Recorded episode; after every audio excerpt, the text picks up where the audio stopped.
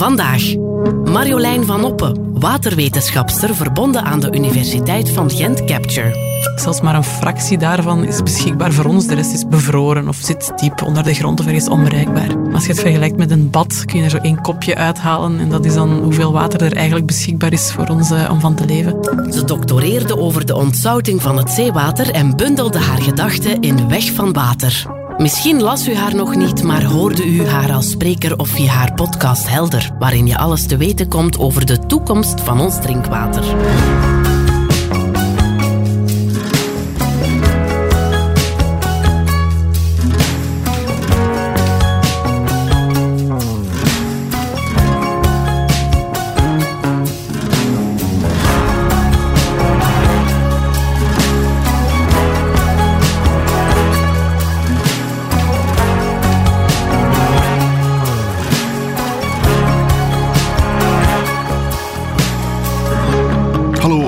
Welkom bij de Tijd vooruit. Vandaag een blik op de toekomst van water en wat water in de toekomst zal betekenen voor de industrie, bedrijven, landbouw, maar ook voor onszelf.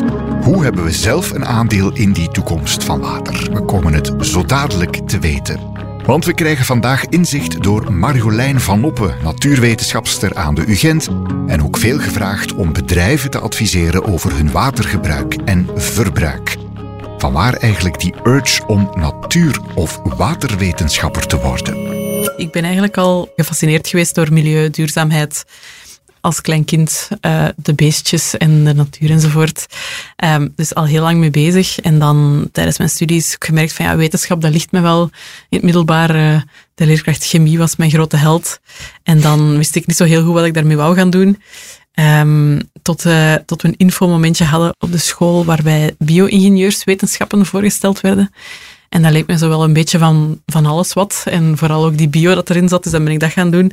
Dan had het wel niet echt met een duidelijk beeld van ik wil dat of dat gaan doen. De specialisatie milieutechnologie lag dan voor de hand.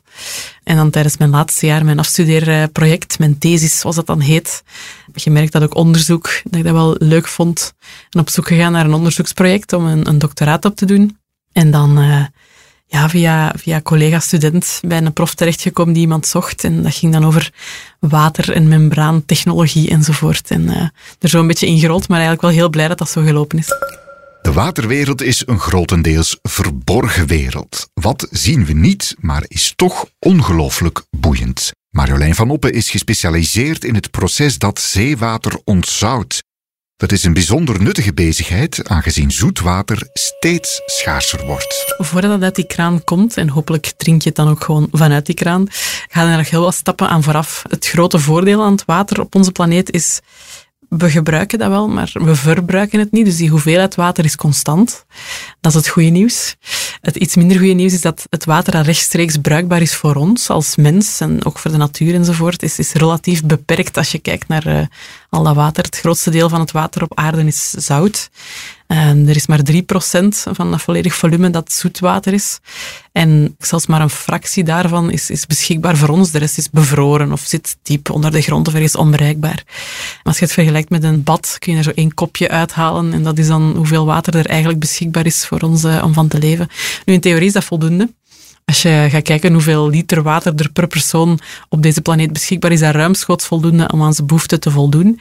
Het probleem is dat dat niet mooi evenredig verdeeld zit over onze planeet natuurlijk. Uh, heel veel van dat zoetwater zit dan in gigantische rivieren, zoals de Amazone en de Nijl enzovoort. Ja, daar hebben wij in België niks aan.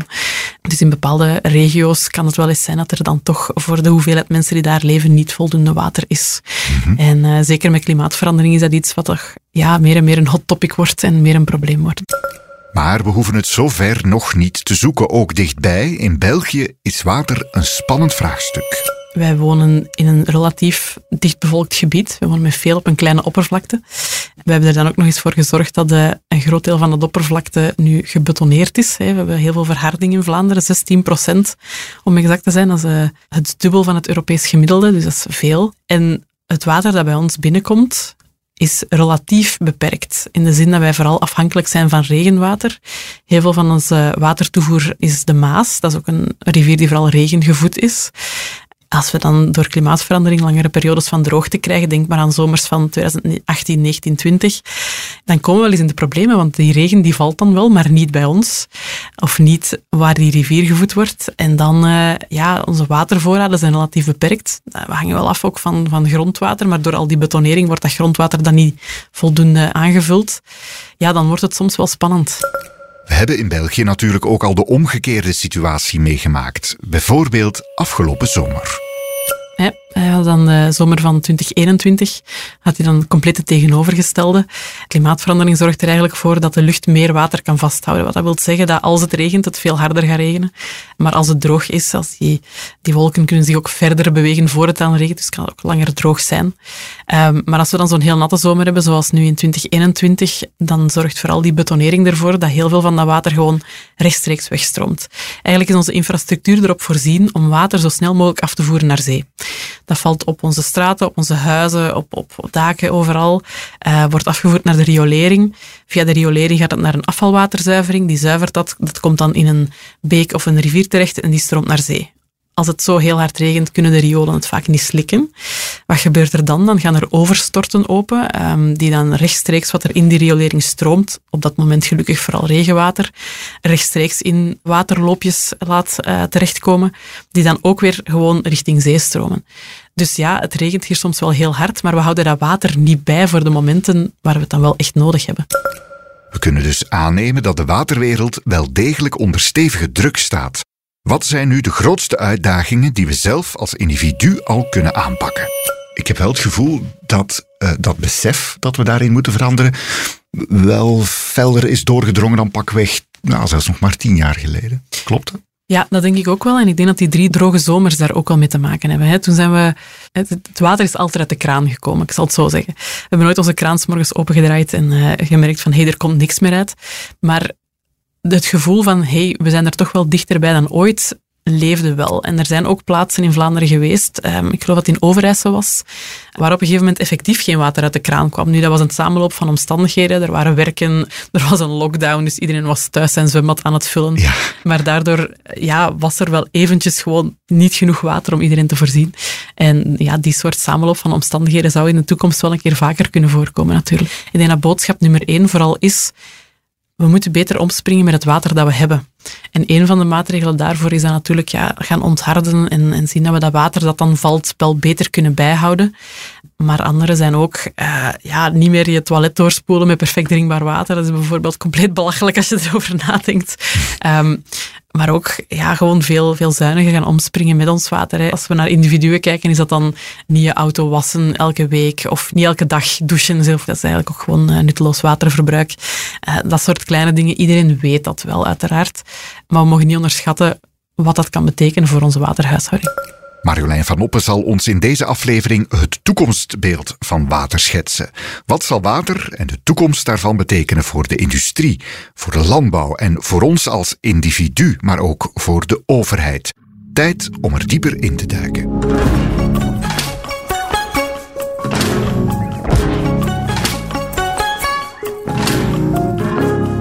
Weten al wat we als individu eventueel zouden kunnen bijdragen, maar wat houdt dit in op grotere schaal? Wat betekent dat voor de industrie en voor het bedrijfsleven? Ik uh, ben zelf dagelijks bezig met uh, waterhuishouding bij bedrijven. Dat is mijn job aan de universiteit tegenwoordig. Uh, helpen om de waterhuishouding bij bedrijven meer efficiënt te maken. En om verschillende redenen zijn zij daar inderdaad al langer mee bezig. Wat hebben we bijvoorbeeld in Vlaanderen gezien, vooral de, de West-Vlaanderen, die regio. Er zijn al veel strengere regels rond oppompen van grondwater. Er is wel veel bedrijven van afhingen. Maar wat dat we ook zien, is dat, dat heel veel bedrijven zich bewuster worden van problemen die kunnen optreden met dat water en daarop al gaan inspelen. Um, er is een goed voorbeeld van BASF, toch wel een, een grote chemie. Mm -hmm. um, bedrijf. Geen kleintje, ja. ja in, uh, in Antwerpen, in de haven zitten die onder andere. Maar in de zomer van 2018, toen het heel droog was, heeft een tak van hun bedrijf in, in Duitsland een paar weken stilgelegen, omdat het niveau van de Rijn toen te laag stond. Dus door die lange periode van droogte stond er te weinig water in de Rijn om hun grondstoffen aan te voeren. En hebben zij gewoon stilgelegen. Ja, voor zo'n gigantische multinational is stil liggen elke dag betekent miljoenen euro's. Dat is niet iets waar dat zij zomaar... Uh, de mensen zullen misschien blij geweest zijn met wat extra vakantie, maar uh, voor de rest uh, is dat, was dat niet zo'n niet zo'n mooie gebeurtenis. Dus wat dat wij zien, we werken heel veel samen met BASF in Antwerpen. Mhm. Zij kijken echt naar hoe kunnen we intern meer water hergebruiken, welke technologieën zijn daarvoor nodig, welke alternatieve waterbronnen kunnen we gebruiken. Kijken we dan naar oppervlaktewater? Moeten we misschien zelfs overschakelen naar huishoudelijk afvalwater dat na zuivering kan hergebruikt worden? Ze zijn daar al jaren heel sterk mee bezig. Er worden al heel wat bestaande technologieën geïmplementeerd, maar de uitdaging zal zijn om wat er al is te linken aan de alternatieve bronnen. De basistechnologieën, die zijn er. Die, die zijn meestal ook bekend, die worden gebruikt. De grote uitdaging nu is vooral gaan kijken, kijk, als we naar die alternatieve waterbronnen gaan, hoe kunnen we dan die bestaande technologie slim gaan combineren met elkaar? Mhm. Ehm, vooral ook omdat je heel veel bedrijven willen daar flexibel mee omspringen. Oké, mijn oppervlaktewater is beschikbaar, vandaag gebruik ik dat, morgen is dat misschien minder beschikbaar, moet ik misschien overschakelen naar afvalwater, naar, naar grondwater. En dat is een grote uitdaging voor technologie om met die verschillende waterkwaliteiten te gaan omgaan. Dus niet enkel technologie speelt een rol, we moeten ook op de kwaliteit van het water letten. Um, dat enerzijds. Anderzijds zien we ook meer een tendens richting de kwaliteit van water die zij gaan gebruiken. Tot nu toe, wat we heel vaak merken in de industrie, is dat zij vragen van ja, het water dat wij gebruiken in onze productieprocessen enzovoort moet zo zuiver mogelijk zijn. Mhm. Als we dan vragen, ja, waarom of, of welke minimumkwaliteit heb je nodig, kunnen ze vaak niet op antwoorden. Gewoon voor de veiligheid. Wegens historisch werkt dit, dus we houden daaraan vast. Willen zij gewoon zo zuiver mogelijk water.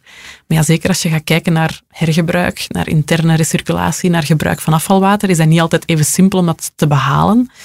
Dus het is nu, de grote uitdaging is nu, hoe kunnen we met de technologieën die we hebben, en de nodige kennis van welke kwaliteit water is effectief nodig, zo duurzaam mogelijk gaan omspringen met de bronnen die we hebben. Mm dus, Geeft u eens een voorbeeld? Wij hebben bijvoorbeeld een project gedaan met een bedrijf dat actief is in voeding en zij werken met zetmeel.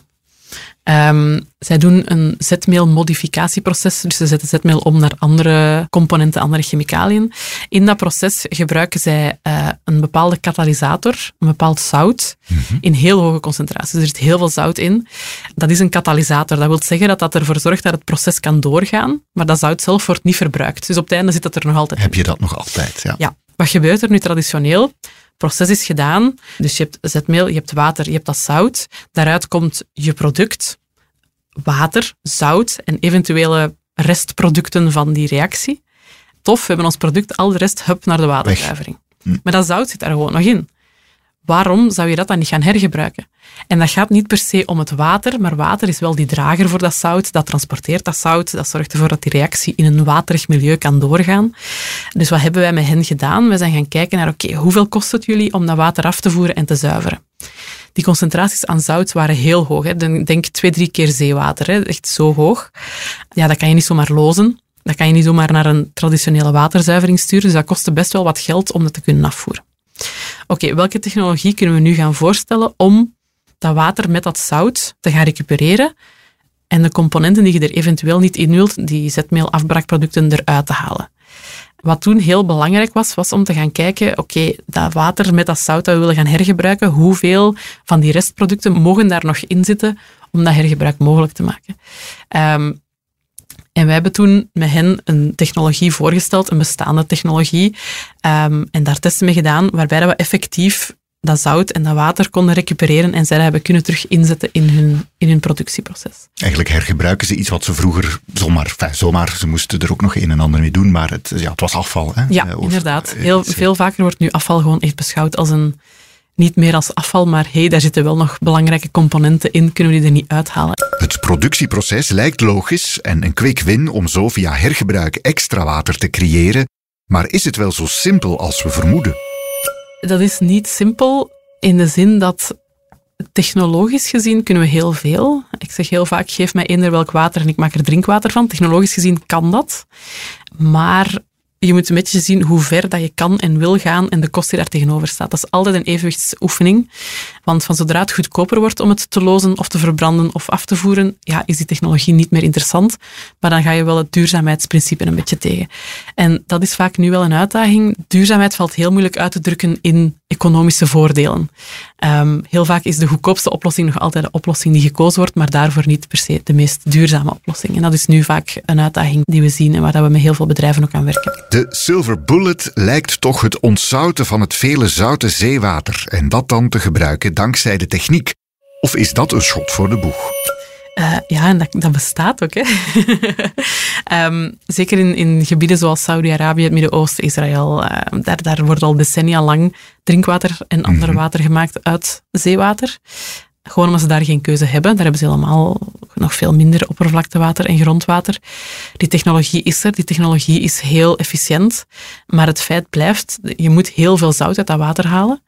Hoe meer zout dat je eruit moet halen, hoe meer energie dat dat kost. En ja, die energiehoeveelheid, we weten allemaal dat energie ook een groot duurzaamheidsvraagstuk is. Er, er bestaat zoiets als de water-energie-nexus. Je hebt water nodig om energie te produceren, je hebt energie nodig om water te produceren. Dat is wel een heel belangrijk vraagstuk daarbij. Dus ja, we kunnen perfect drinkwater maken uit zeewater. De vraag is, past dat binnen een duurzame toekomst? Past dat binnen een wereld waarin we zo efficiënt mogelijk moeten omspringen met onze grondstoffen? Een vlekkeloze oplossing zonder te veel energieverbruik bestaat nog niet. Maar is dat dan echt niet mogelijk? Er bestaat zoiets als thermodynamica. en die dicteert dat er, uh, er is altijd een minimum hoeveelheid energie die je nodig gaat hebben om zout uit zeewater te halen. Om uit 2000 liter zeewater 1000 liter drinkwater te maken, mhm. zegt die thermodynamica, heb je minstens ongeveer 1 kilowattuur aan energie nodig. Okay. Ter vergelijking, de gemiddelde Vlaming verbruikt 1 à 2 kilowattuur energie per dag. Die 1 kilowattuur is het thermodynamisch minimum. Tot 10, 15 jaar geleden waren de meest efficiënte systemen zaten die op de 15 à 20 kilowattuur. Mm dus een 15 tot 20 keer meer. Veel meer, ja. Vandaag zitten wij op 2 kilowattuur ongeveer. Mhm. Veel beter gaat het niet worden. Ah, oké. Ehm, de systemen, we leven niet in de perfecte ideale wereld. Al onze installaties, productiesystemen hebben kernverliezen. Dus veel beter dan dat gaat het niet worden. Wat dat we wel kunnen doen, is, er zijn verschillende manieren om duurzame energie op te wekken. We kunnen bijvoorbeeld zo'n zeewaterinstallatie, de productie daarvan laten afhangen van de productie van windenergie op zee bijvoorbeeld enkel drinkwater produceren als de vraag naar energie daarvan laag is en die dan opslaan en dat dan weer stilleggen of verminderen als er minder duurzame energie is. Dat zijn ook dingen die we een aantal jaar geleden bijvoorbeeld met de watergroep hebben proberen uit te zoeken. Maar ook daar is het weer een, een, een economisch vraagstuk. Zo'n installatie kost heel veel geld. Je bouwt dat niet om maar 10% van het jaar te draaien. Kunnen we nog andere industrieën bedienen met zo'n zo'n zeewaterontsoutingsinstallatie? Het water dat je daaruit krijgt is extreem zuiver. Is eigenlijk veel te zuiver voor drinkwater. Je moet dat gaan remineraliseren. Mhm. Maar in de industrie hebben ze dat heel zuiver water dan misschien weer wel nodig. Kunnen we dat gaan combineren? En dat is een vraagstuk dat we, dat, waar we mee bezig geweest zijn. Ook die combinatie met duurzame energie. Is zeewater iets, of zeewaterontzouting iets dat we in Vlaanderen willen gaan doen in de toekomst, ja of nee? Ik denk dat het eerder iets zal worden dat we als, als buffer gaan gebruiken. In worst case, als het weer zo'n heel droge zomer is en we dreigen tekorten te krijgen. Maar dan is inderdaad weer de vraag, is het dan economisch interessant om zo'n installatie te gaan bouwen? We luisteren straks verder na dit.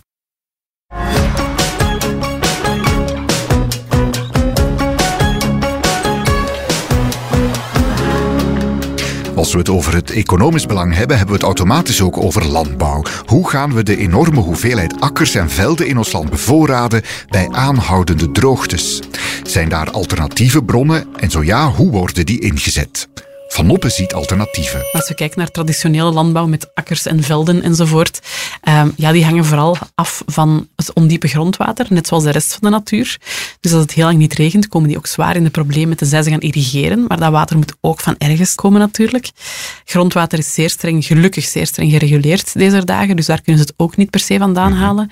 Wat hebben we gezien tijdens die droge zomers? De landbouwopbrengst in 2020 was 30% lager dan, uh, dan gemiddeld. Dat, ja, dan, dat is wel een streep door de rekening natuurlijk. Landbouwers begonnen uiteraard naar oplossingen te zoeken. En dan hebben we gezien dat uh, een aantal daarvan met tankwagens naar uh, Aquafin reden en zeiden geef ons uw gezuiverd afvalwater en dan gaan dat gebruiken. En dat gebeurde ook effectief. Maar we zien ook wel wat innovatievere oplossingen. We hebben naast heel veel landbouw in Vlaanderen zijn we ook een van de landen met de grootste diepvriesgroentenproductie. Um, zijn we onbekend, inderdaad. Voilà. We exporteren daar ook heel veel van. Maar ja, die, die, die hangen natuurlijk af van de groenten. Als die geen groenten krijgen, kunnen ze geen maken. Een heel mooi voorbeeld daar is, is Ardo bedrijf in West-Vlaanderen die, eh, die frisgroenten produceren. En zij zagen ook dat probleem van, tja, onze landbouwers hebben watertekorten. Wij gebruiken heel veel water om groenten te kuisen, te blancheren, de, de machines te kuisen enzovoort.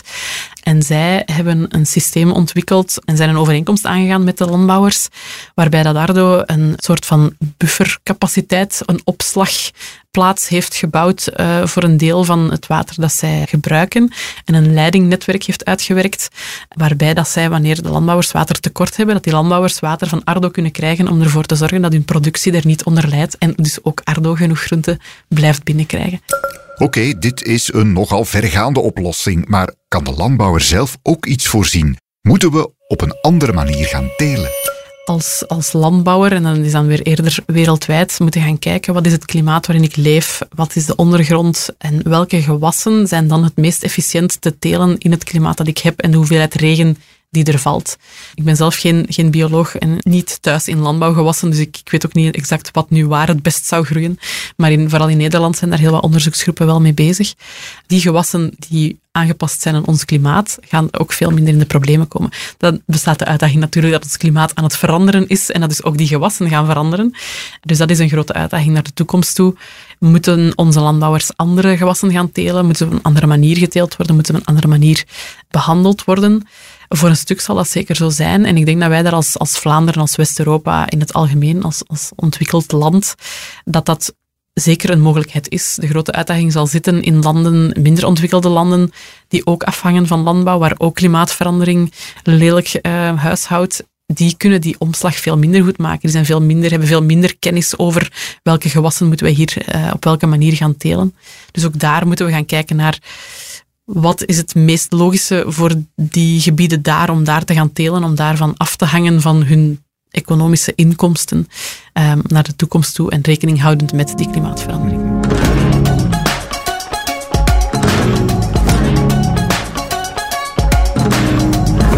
Een grotere uitdaging in dit dossier is de wetgeving aan zich. Zo kunnen er heel pintere technologieën uitgedacht worden. De wetgeving moet die ook reguleren. Er zijn twee aspecten. Er is goed nieuws en minder goed nieuws. uh, ik zal beginnen met het goede nieuws. Het goede, voilà. Ja. Het goede nieuws is, er is de laatste jaren heel veel vooruitgang geboekt naar uh, regelgeving toe rond waterhuishouding. Ik heb het al vaker gezegd nu, van ja, die, die grondwaterstanden worden heel nauw in het oog gehouden. Er zijn heel wat regelgevingen rond hoeveel water mag opgepompt worden enzovoort. Meer recent hebben we ook de Blue Deal, mm waar heel veel geld is vrijgemaakt voor kleinschaligere en ook grootschalige projecten rond waterhuishouding. Um, het Delta-project is ook zo'n voorbeeld waar we ruimte gaan maken voor uh, rivieren om te kunnen overstromen, zodat als er te veel water is, dat er ook ruimte voor is. Dat niet de straten blank komen te staan, maar dat dat water ook effectief de kans krijgt om dat grondwater verder aan te vullen. Er zijn nog tig heel mooie voorbeelden van projecten die daar binnen aan het ontplooien zijn. Dat is heel mooi om te zien. De uitdaging nog voor de regelgeving, en dat is dan vooral gericht op de industrie, is dat er nu heel veel. Het is vaak moeilijk voor bedrijven om water te gaan hergebruiken, om dat water te gaan intern recirculeren of om dat te gaan delen met, met buren bijvoorbeeld. Om je een voorbeeld te geven, als één bedrijf een afvalwater heeft waar zij niets meer mee kunnen doen, maar waar dingen in zitten die een bedrijf tien kilometer verder bijvoorbeeld wel iets mee aan kan, ja, dan zou je kunnen zeggen, oké, dan is het makkelijk. Hè. Af en toe rijdt er een tankwagen van het ene bedrijf naar het andere. Uh, die, die brengen dat water naar daar. Nu, wetgevend gezien is dat niet zo heel makkelijk. Stel dat bedrijf A dat water produceert en bedrijf B kan er iets mee doen. Als bedrijf B dat water binnenkrijgt via zo'n tankwagen, dan worden zij nu beschouwd als afvalwaterzuiveraar. Terwijl bedrijf B misschien gewoon chemicaliën produceert of, of voedingsproducten of zo. Die willen dat label helemaal niet, want dat label komt met heel veel vergunningsaanvragen en extra kosten en dingen die ze moeten kunnen bewijzen dat ze wel, wel aan voldoen enzovoort. Ja, dat, Voor heel veel bedrijven is water een, een gebruiksproduct. Dat is niet hun core business. Zij hebben dat nodig, zij gebruiken dat, maar ze hebben daar heel weinig kennis over. Dus dat belemmert wel een beetje dat water te gaan delen met, met buren. Netwerken worden effectief gescheiden, wat noodzakelijk is om goede kwaliteit van het water voor de juiste toepassing in te zetten. Maar ook bedrijven kunnen hierdoor geïnspireerd worden. CO2, plastics en water, dat is natuurlijk degene waar ik dan werkzaam bij ben, is ontstaan aan Universiteit Gent, maar ook Universiteit Antwerpen, Vrije Universiteit Brussel en Vito zijn nu partner. Dus echt ook proberen op dat niveau die integratie te maken en al die kennis zo efficiënt mogelijk te delen. En dat ook te doen met die regelgever. Een regelgever is geen waterwetenschapper. Zij weten niet waar die uitdagingen zitten. Maar het veranderen van die wetten en het incorporeren van die nieuwe ontwikkelingen in technologie, dat gaat heel, heel traag.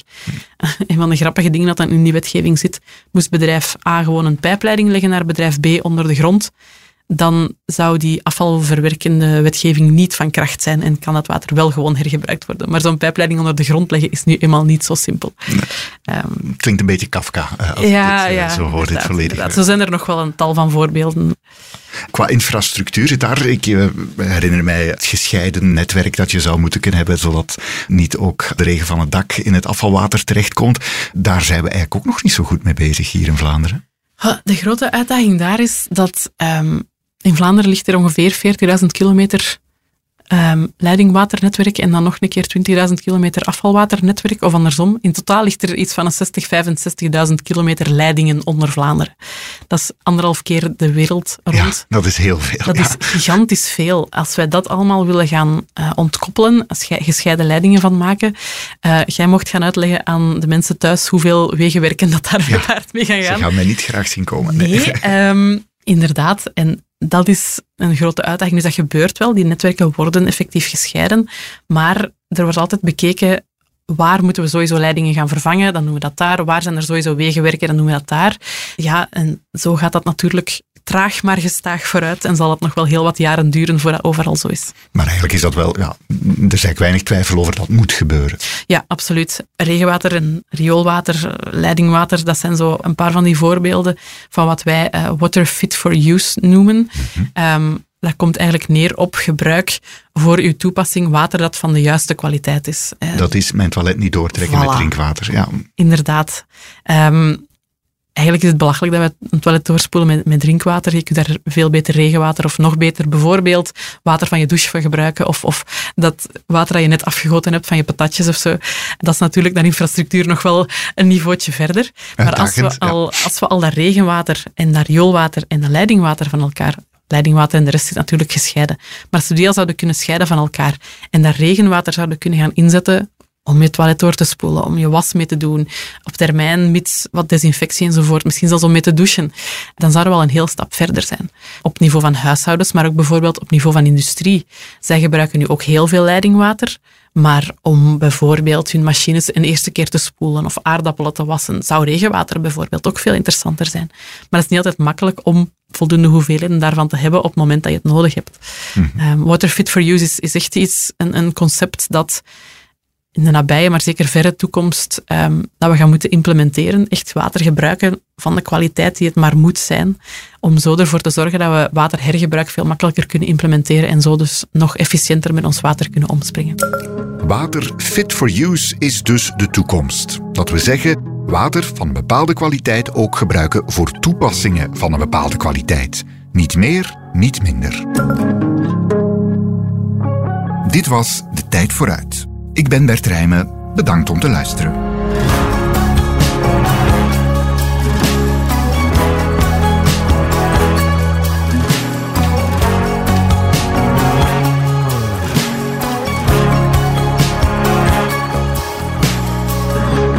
Voor meer business en straffe nieuwsverhalen, check tijd.be of onze app.